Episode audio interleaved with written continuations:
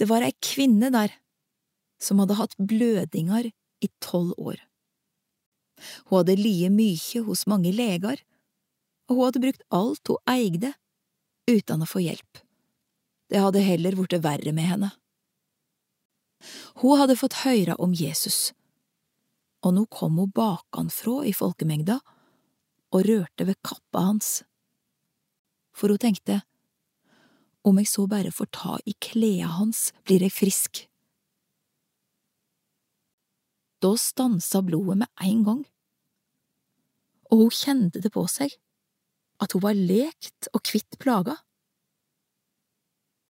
Men det samme kjente Jesus at det gikk ei kraft ut fra han, og han snudde seg i mengda og spurte, Hvem var det som rørte ved kleda mine?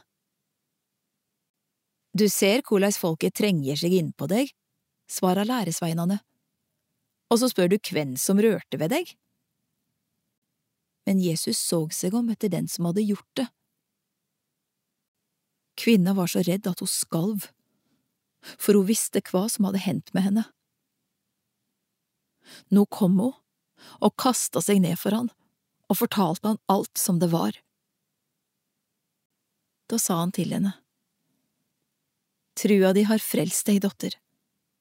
Gå i fred, vær frisk og kvitt plaga di.